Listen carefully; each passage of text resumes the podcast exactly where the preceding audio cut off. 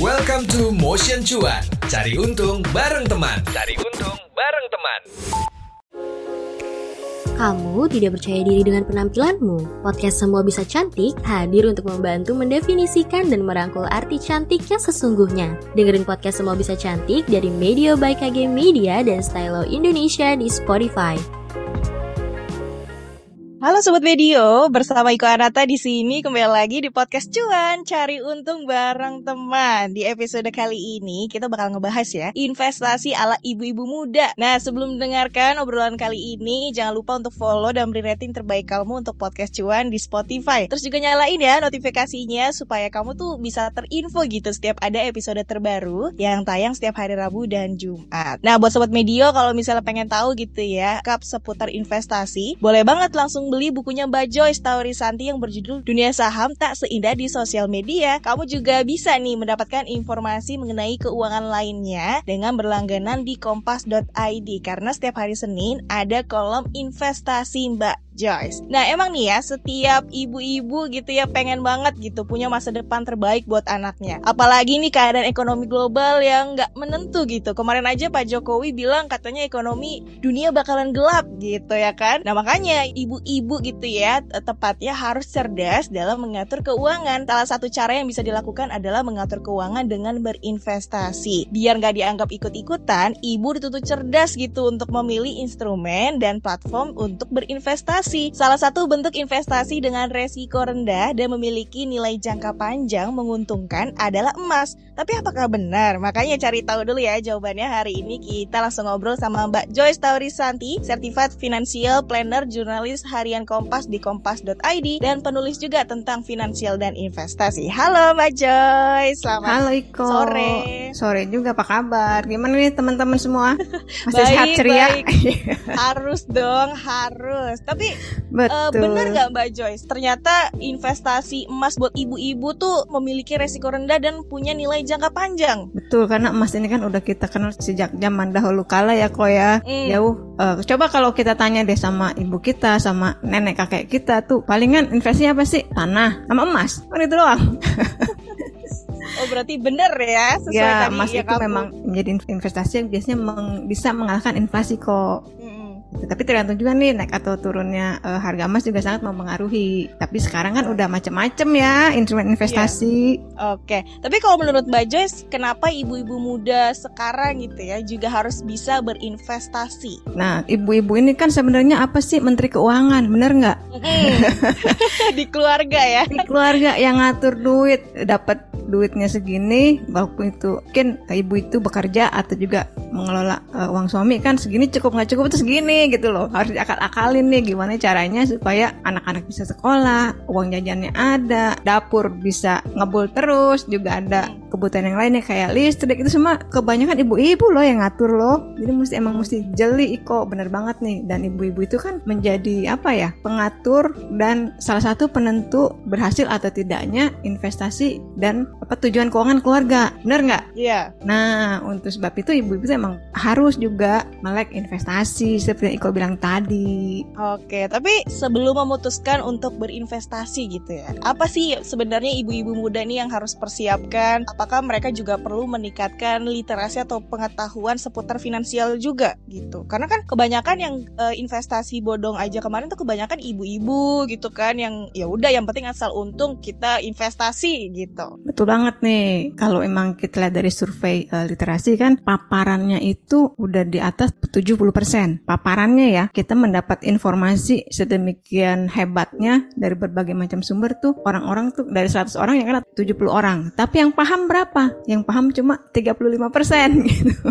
Nah, ini dia salah satu penyebabnya investasi bodong. Jadi perlu banget nih ibu-ibu. Di satu sisi ibu-ibu itu kan dituntut untuk mengelola keuangan, tapi di sisi lain juga dia harus bisa menghasilkan dan mengelola aset ini kan. aset yang dia terima tadi. Salah satunya dengan berinvestasi. Memang betul. Jadi harus mengedukasi diri sendiri Iko. Kan zaman sekarang harus informasi soal investasi itu dari mana aja. Coba deh teman-teman cek IG. Itu dari yang yang beneran apa yang bohongan. Aku kemarin dapat ini, dapat notif di IG itu salah satu bank katanya ini palsu nih. Apa meningkatkan menjadi nasabah premium bank, tapi cuma 10 juta. Ternyata itu bohong. Makanya kalau aku saranin sih kalau ibu muda nih, kan sekarang banyak yang demen TikTok, demen IG gitu, cari informasi di tempat resmi Iko. Maksudnya IG-nya katakanlah OJK. Itu udah pasti bener kan? Dan IG-nya misalnya perusahaan sekuritas. Kalau teman-teman mau mulai pikir ah mau investasi saham ah, kita follow IG-nya sekuritas. Atau juga teman-teman bisa uh, follow IG-nya manajer investasi ketika kita mau pilih-pilih reksadana. Jadi buat pemula itu bener-bener biar dapat itu kok informasi yang bener dulu gitu loh. Dan itu teman-teman Iya. bisa dapatkan di IG-IG yang resmi. Nah nanti kalau udah kan udah tahu nih yang benernya nih, yang namanya uh, informasi bohongan itu pasti ada aja. Pasti ada, pasti teman-teman ketemu dalam bentuk apa pun. WhatsApp grup di WA pasti ada tuh, di tele pasti ada Hmm. penawaran, penawaran mungkin teman-teman pernah dapat titip dana, untungnya sekian persen dalam waktu dua hari. Banyak tuh modelnya sekarang. Kalau teman-teman udah tahu yang benernya, jadi bisa menyaring. Oh ini nggak bener, ini nggak bener, gitu kok. Hmm, Oke, berarti emang kita harus pintar-pintar menyaring dulu ya, ini benar apa enggak, terus harus juga dari situs resmi. Apalagi kan sekarang kalau platform di organisasi gitu lebih lebih ringan gitu ya, lebih gampang dimengerti untuk ibu-ibu muda yang pengen coba investasi yang gitu ya. orang yang nol besar soal keuangan tuh gampang banget dapat dari situ. Kalau misalnya telaten belajarnya serius itu lama-lama juga ada kok yang nyangkut di, yang di kepala. Oke, instrumen investasi kan itu ada banyak ya Mbak. Terus instrumen apa aja nih yang kira-kira nih cocok buat ibu-ibu muda? Mungkin boleh dijelasin nih dari resiko yang paling rendah dan tinggi. Nah kalau misalnya untuk teman-teman yang masih pemula banget tadi kan pertama kita mungkin udah kenal Mas ya dari orang tua kita. Kita pengen eh, naik kelas nih. Apa aja sih sekarang eh, investasi yang ada di pasaran gitu. Teman-teman bisa coba reksadana dulu kok. Dan reksadana itu kan macam-macam ya. Aku saranin sih reksadana pasar uang atau reksadana obligasi. Kenapa? Karena itu eh, fluktuasinya itu kecil banget dan itu aman. Nanti naik naik kelas lagi mungkin teman-teman mau belajar soal reksadana campuran karena ini udah ada sahamnya ya. Kalau kita udah tahu kan saham itu eh, volatile dan kita harus juga punya kemampuan juga untuk menganalisa. Terus mungkin teman-teman nanti kalau udah udah hatam nih reksadana saham campuran udah ngerti bisa beli obligasi. Obligasi ini kan eh, nilainya agak eh, lebih tinggi ya bisa serah satu juta tapi memang aman karena dijamin oleh pemerintah. Atau nanti lebih tinggi lagi teman-teman mau coba eh, langsung beli saham. Sebelumnya kan sudah beli reksadana saham nih kita pasrahkan pada manajer investasi mengelola. Terus kita kan jadi manajer juga kok pengen juga kan. Iya. Nah, teman-teman bisa belajar soal investasi saham. Terus belakangan ini kan juga banyak investasi zaman now yang dulu tuh aku juga nggak tahu ini Iko namanya peer to peer lending. Jadi kita menjadi investor di situ. Ada juga namanya crowdfunding. Crowdfunding ini kita patungan untuk eh, membiayai sebuah bisnis atau rumah kos. Kan asik juga kan kita punya minimarket kok. Kita patungan itu minimal satu juta juga. Tapi Aku ingetin lagi ya Iko dan teman-teman. Jangan lupa sebelum investasi kita punya apa? Dana darurat. Dan Hmm, juga punya betul. proteksi. Nah kalau teman-teman udah dana darurat Udah checklist nih Oke. Proteksi asuransi Baik kesehatan maupun jiwa udah oke. Karena kan kalau udah udah ibu-ibu berarti udah berkeluarga dong. Dan mungkin sudah mempunyai anak. Kalau kita udah punya anak berarti ada yang tergantung sama kita Iko. Hmm, kita perlu diproteksi juga gitu dan supaya juga tujuan investasi kita tercapai Iya, benar sih. Lalu kalau dari keuntungannya apa aja nih kalau uh, diperoleh sama ibu muda kalau misalnya mereka tuh udah berinvestasi sejak dini, mungkin ya lebih merdeka finansial gitu atau bisa mengelola keuangan. Selain itu apa aja nih keuntungannya nih Mbak Joyce? keuntungan nih kok kalau dia punya anak dia bisa lebih dini lagi kasih tahu ke anaknya kok. Nah dulu kalau aku, aku kan nggak nggak diajarin Ah. investasi sama orang tua kok. Orang tua kok aja nggak punya investasi.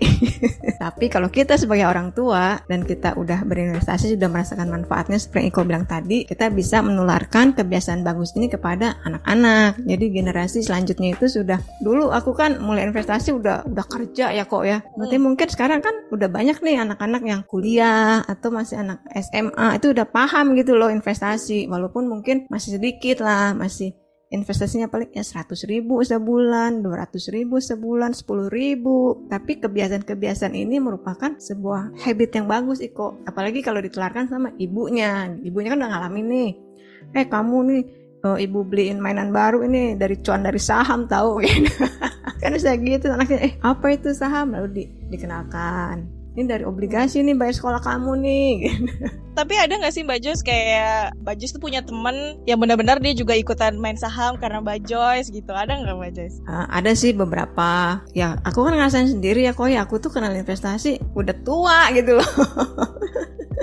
udah kerja dan itu waktu dulu memang kan uh, dunia investasi itu masih jarang banget bahannya susah hmm. tapi sekarang bahan-bahan udah ada di mana-mana. Kemudahan tuh udah luar biasa lah teman-teman. Beli saham aja nggak usah ke mana-mana gitu loh. Pakai handphone. Beli obligasi pakai handphone. Di reksadana pakai handphone. Wifi gratis di mana-mana. Apalagi yang kurang. Tinggal kemauannya aja yang kurang Betul, ya. Betul kemauannya aja.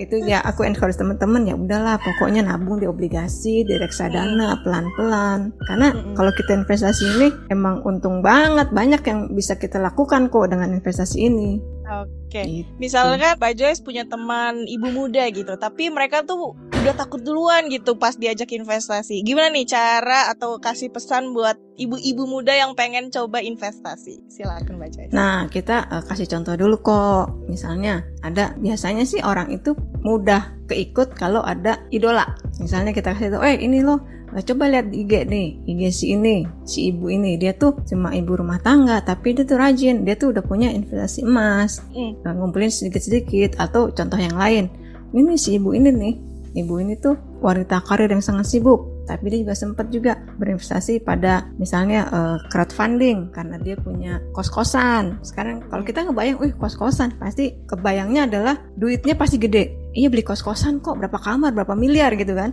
Iya. Tapi kan investasi zaman now yang crowdfunding itu teman-teman bisa satu juta loh, mulai dari satu juta aja untuk bisa punya kos-kosan atau kita punya kafe kan gaya banget ya kok ya gue punya kafe loh kafe itu. Ternyata emang punyanya satu juta aja. Ya nggak apa-apa. Kita sudah berani memulai. Emang banyak sih kok teman-teman yang masih belum berani karena kita kan dengar di berita-berita ya kok ya ada investasi bodong macem-macem. Mereka udah takut duluan. Tapi kalau diajak ke jalan yang benar itu pasti benar deh kok. Kita ajak aja ke jalan yang benar. Iya benar benar benar benar. Oke kalau gitu uh, berarti buat pesan-pesan ibu-ibu yang baru mau mulai investasi cobalah tanya-tanya dulu atau enggak ikutin idola kamu gitu ya atau nggak bisa juga ngeliat di TikToknya apa organisasi OJK gitu yang resmi biasanya itu lebih mudah dimengerti biar kamu tuh bisa oh gini oh gampang. Dan hmm. jangan lupa dana darurat ya. Betul dipersiapkan jangan lupa dulu. disiapin dulu. Iya. Baru melangkah oke kalau gitu.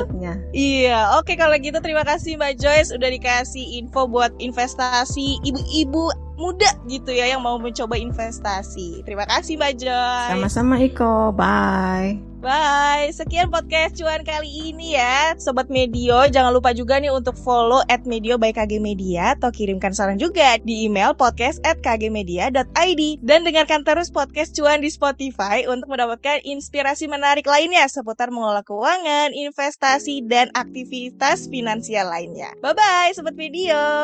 Itu dia motion cuan. Cari untung bareng teman di minggu ini. Tungguin obrolan-obrolan seru lain di motion cuan. Cari untung bareng teman. Sampai ketemu di episode minggu depan.